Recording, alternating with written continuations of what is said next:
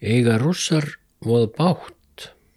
Þetta er önnur flækjusagan um stríð rússa við stórveldi í vestri. Ég fór í síðustu flækjusögu að kanna styrjaldarsögu Rúslands til þess að vita hvað sé hæfti þeirri trú margara rússa og stöðningsmanna þeirra að rússar hafi sífelt sætt grimmum árásum frá erlendum ríkjum, ekki síst vesturlöndum, og því sé eðlilegt að þeir vilja hafa Úkrænu sem eins konar stuðpúða gegn henni miskunnarlausu ásælni vestrætna stórvelda. Í fyrstu flækjusögunni um þetta efni þá fann ég fáið að engin dæmi um slíkt því oftar en ekki voru það russar sem sóttu fram en vörðu stegi.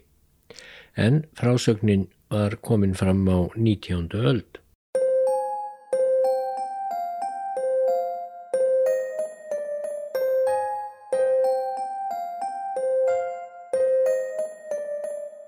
Nú gerðist það höstið 1853 að krímstríðið braust út. Krímstríðið snerist upphálega alls ekki um krímskagan sem rússar höfðu tekið frá krímtatarum og innlimað að fullu í ríki sitt 1783. Heldur snerist stríðið um samkeppni rússa og Tyrkja við Svartahaf. Rússar hófu stríðið með því að ráðast inn í Bessarabíu eða Moldófu og Vallakíu, söður hluta Rúmeníu, en þessum svæðum höfðu Tyrkir ráðið um aldir. Rússar heldur svo áframsókn sinni og stemdu söður til Konstantinopel, höfuðborg Tyrkjaveldis, sem nú heitir Istanbul. Jáframt rústaði rúsneski flottin hinnum Tyrkneska svo fátt virtist geta stöðvaður rússa. Það fjall brettum og frökkum ítla. Hinnir fornu fjendur brettar og frakkar voru nú óðum að verða nánir bandamenn í sóknsinni eftir nýlendum út í hinnum stóra heimi og þeir vildu síðar að í bakgarði þeirra heima í Evrópu rísi á meðan of upplugt stórveldi eins og Rúsland. Því ákváðu báðar þjóðurnar að styðja Tyrki í næsta örvæntingarfullri vörn þeirra gegn vaksandi veldi rúsa. Saminaður flotti breyta og frakka var sendur inn á Svartahafi í byrjun árs 1854 og rússar sáu að þeir höfðu ekkert í hann að gera. Þeirra herskip flúðu því til Sevastopol á Krímskaga. Síðan hörfuðu rússar frá Valakíu og Bessarabíu um sumarið og þar með hefðu þetta stríð sem hægast getað endað en stjórnir bretta og frakka töldu hins vegar að almenningur í löndum þeirra heimtaði meiri árangur gegn russum úr því að á hólminn væri komið á annað borð. Í september 1854 var herlið bretta og frakka þess vegna sett á land á Krímskaga og síðan reyndað knýja Sevastopol til uppgjafar. Það tók tæft ár og kostaði ógrinn í mannslífa en að lokum urðu rússar að gefast upp og leita fríðarsamninga í mars 1856. Efnahagshrun blasti þá við rúsum og þeir voru farnir að óttast innrás úr vestri og leist ekki á hvernig það geti endað.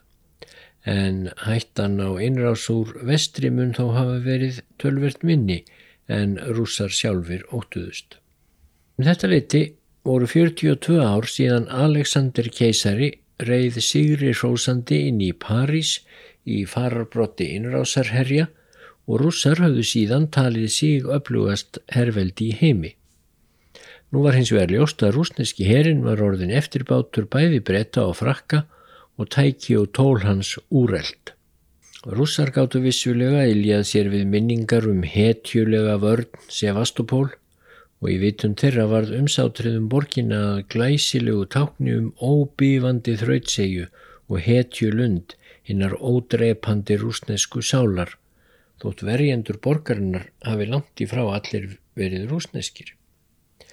En sama hvað samdar voru tilkommiklar sögur um hetjulega vörn í Sevastopól, þær enduð alltaf með sama ósigrinum og sömu uppgjöfinni.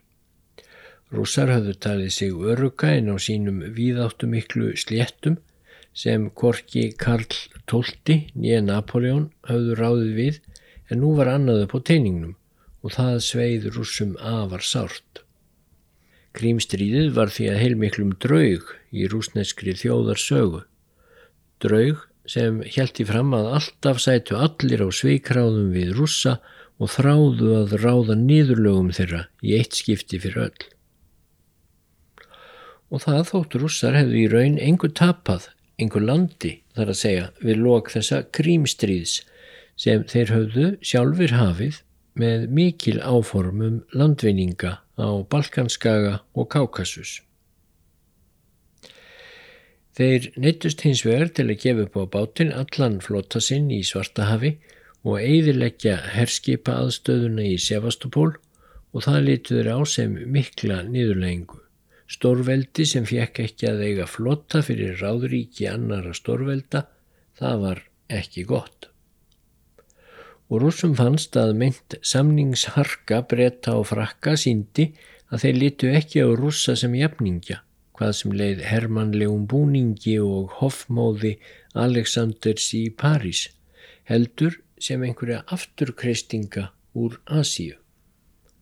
Auðvitað vissu rúsar sjálfur að þeir áttu að ymsileiti meira sameinlegt með gamlu hyrðingjathjóðunum á hinnum endalöysu steppum Asíu heldur en íbúum hinnar vokskortnu Evrópu. Og oft litur rúsar á Asíutengsl sín sem styrkleika. En þetta var samt hlutur sem þeir vildu helst ekki láta Evrópu þjóðurnar minna sig á nema á þeirra eigin forsendum. Nú, rússar töpuðu sem sagt krímstríðinu en mistu þó nánast ekkert land og aldrei var hætta á því. Þeir hófust svo handa um umbætur ímsar og yðnvæðingu en allt þess áttar var þó meirinn lítið hálfkák vegna þess að keisararnir lefðu þegar til kom engar pólitískar umbætur. Þar af leiðandi komst ekki raunverulegur þróttur í samfélagið og stór hluti millistjættar og talnúkjum alþýðunar fór að líta á valdstjórnina sem óvinn sem bæri að berjast gegn með öllum ráðum. Pólverjar hugðust notfæra sér þetta áratug síðar að rússar voru enn í greipum þunglindis og evasemda eftir krímstríðið og pólverjar gerðu uppreysn 1863 til að krefjast sjálfstjórnar. Þá hrukku rússar í gamla harðstjóra gýrin og brutu uppreysnina niður af mikilli hörku. Þannig gáttu þeir alltaf sínt að þeir væru stórveldi. Sama ár notuðu rússartækifærið og brutu kirkasíumenn í Kaukasus einfallega á bakkaftur og frömdu þar sangallað þjóðarmorð. Framferði rússa gegn kirkasíumennum var svo viðbjóðslegt að ég fer ekki að byrta lýsingar á því í virðulegum fjölskyldu miðli eins og stundinni allra sístum páskana þegar þessi flækjusaga er lesin inn. En rússar litu á kirkasíumenn sem óæðri skít eins og einn helsti herfóringi rússa komst að orði. Pútín let reysa herfóringja þessum stittu 2003 á miðju því svæði þar sem leifar kirkasísku þjóðarinnar búa og eh, þótti rúsum það morgum vel tilfundið en öðrum ekki. En nú leiðu beigð. Stríð braust út millir rúsa á Tyrkja 1877. Alexander Annar, keisari, hugðist á endurreisa stöðu rúsa við Svartahaf, styrkja bandamenn þeirra á Balkanskaga og nálóksins Konstantinopel. Þetta var sem sagt árásar og landvinningastríð af hálfu rússa eins og flest öll þeirra stríð á 19. öldinni og vissulega hildi undir heilmikla landvinninga. En þegar rússar voru komnir nánast að múrum Tyrkjaborgar þá kröfðust Evrópustórveldin þess að Alexander hætti við að setjast um borgina. Hann blóðlangaði í Konstantinopel en treysti sér þó ekki til að standa gegn saminuðum vilja Európuveldana. Egað síður voru rússar í hópi Sigurvegara í þetta sinn þegar fríður var samin í tengslum við frægar ástefnu í Berlín árið 1877 og þeir fengu nú að kasta eign sinni á Bestarabíu eða Moldófu. Reyndar voru rússar súrir í bragði yfir því að fá ekki meira fyrir snúðsinn en þeir sjálfur höfðu sem sé ekki verið í neittni hættu í þessu stríði, frekar en oftast endranær. Næst létur rúsneskir dátar að sér hveða árið 1900 þegar keisarastjórnin notfærði sér upplausn í Kínaveldi til að ráðast gegn Mansjúríu og eh, herrtaka þar dágótt sveiði. Nokkrum árum setna var til fagurst og tilfinningaþrungið rúsnesta lag sem heitir á íslensku Hæðirinnar í Mansjúríu. Þar gráta mæður og einkonur fallnar hetjur hinnar rúsnesku ættjarðar, hinna kæru síni föðurlandsins eins og segir í tekstanum og hlustendur telja náttúrulega að blessaðir dánu drengirinnir sem sungið er um hafi fallið í hetjulegri vörn fyrir hérna heilögu rúsnesku grund. En í rauninni höfðu hinnir föllnu hermen verið hluti af árásar og nýlendu herr sem afti kappi við keppinautana um yfirráð yfir ættjörð allt annars fólks. En rúsar láta það ekki á sig fá og syngja enn af ósvíkinni innlifun um hæðirnar í Mansjúriu þegar þeim svellur ættjarðar ástin. En nú var sem sé liði 19. öldin. Sjálf tilvistu Rúslands hafi aldrei verið í hættu. Þetta leifi ég mér að fullirða þvert ofin í harmsöng rússa um að líf þjóðarinnar hangi sífelt á bláþræði gegn grimmum óvinnum úr vestrinu. Því jafnvel þótt Napoleon hefði náðað sigra rúsneska herin árið 1812 til dæmis, þá hefði það ekki haft neinar sérstakar hörmungar í förmið sér fyrir þjóðir keisaradæmisins eða stjórnkerfi landsins. Alexander keisari hefði einfallega þurft að vera í bandalagi við Frakland svo og svo lengi í stað þess að ganga í bandalagi við England. En allar stjettir í Rúslandi hefðu fengið að lifa sínu lífi óáreittar og stjórnvöldin líka og Napoleon hefði ekki komið nálagt henni vaksandi rúsnesku menningu og þjóðarvitund. Það má fullir það. Ólíkt rússum reyndar því þeir lögðu sig mjög fram um að bæla niður menningu og tungumál þjóða sem þeir brutu undir sig. Eitt stríð er eftir áður en kemur að henni örlagaríku fyrri heimstriöld. Það var stríðið við Japan sem hóst snemma árs 1904 og snerist um nýja rúsneska nýlendu í Mansjúríu og aðgangað íslausri höfn við Kirrahafið. Rússar lutu þá stjórn Nikolásar Annars keisara sem var óhæfur maður með öllu en uh, þeir voru nú sannfærður um að þeir myndu vinna léttan sigur á Japunum og getur svo skipað málum á hafsvæðinu þar í kring eins og þeim sjálfum síndist.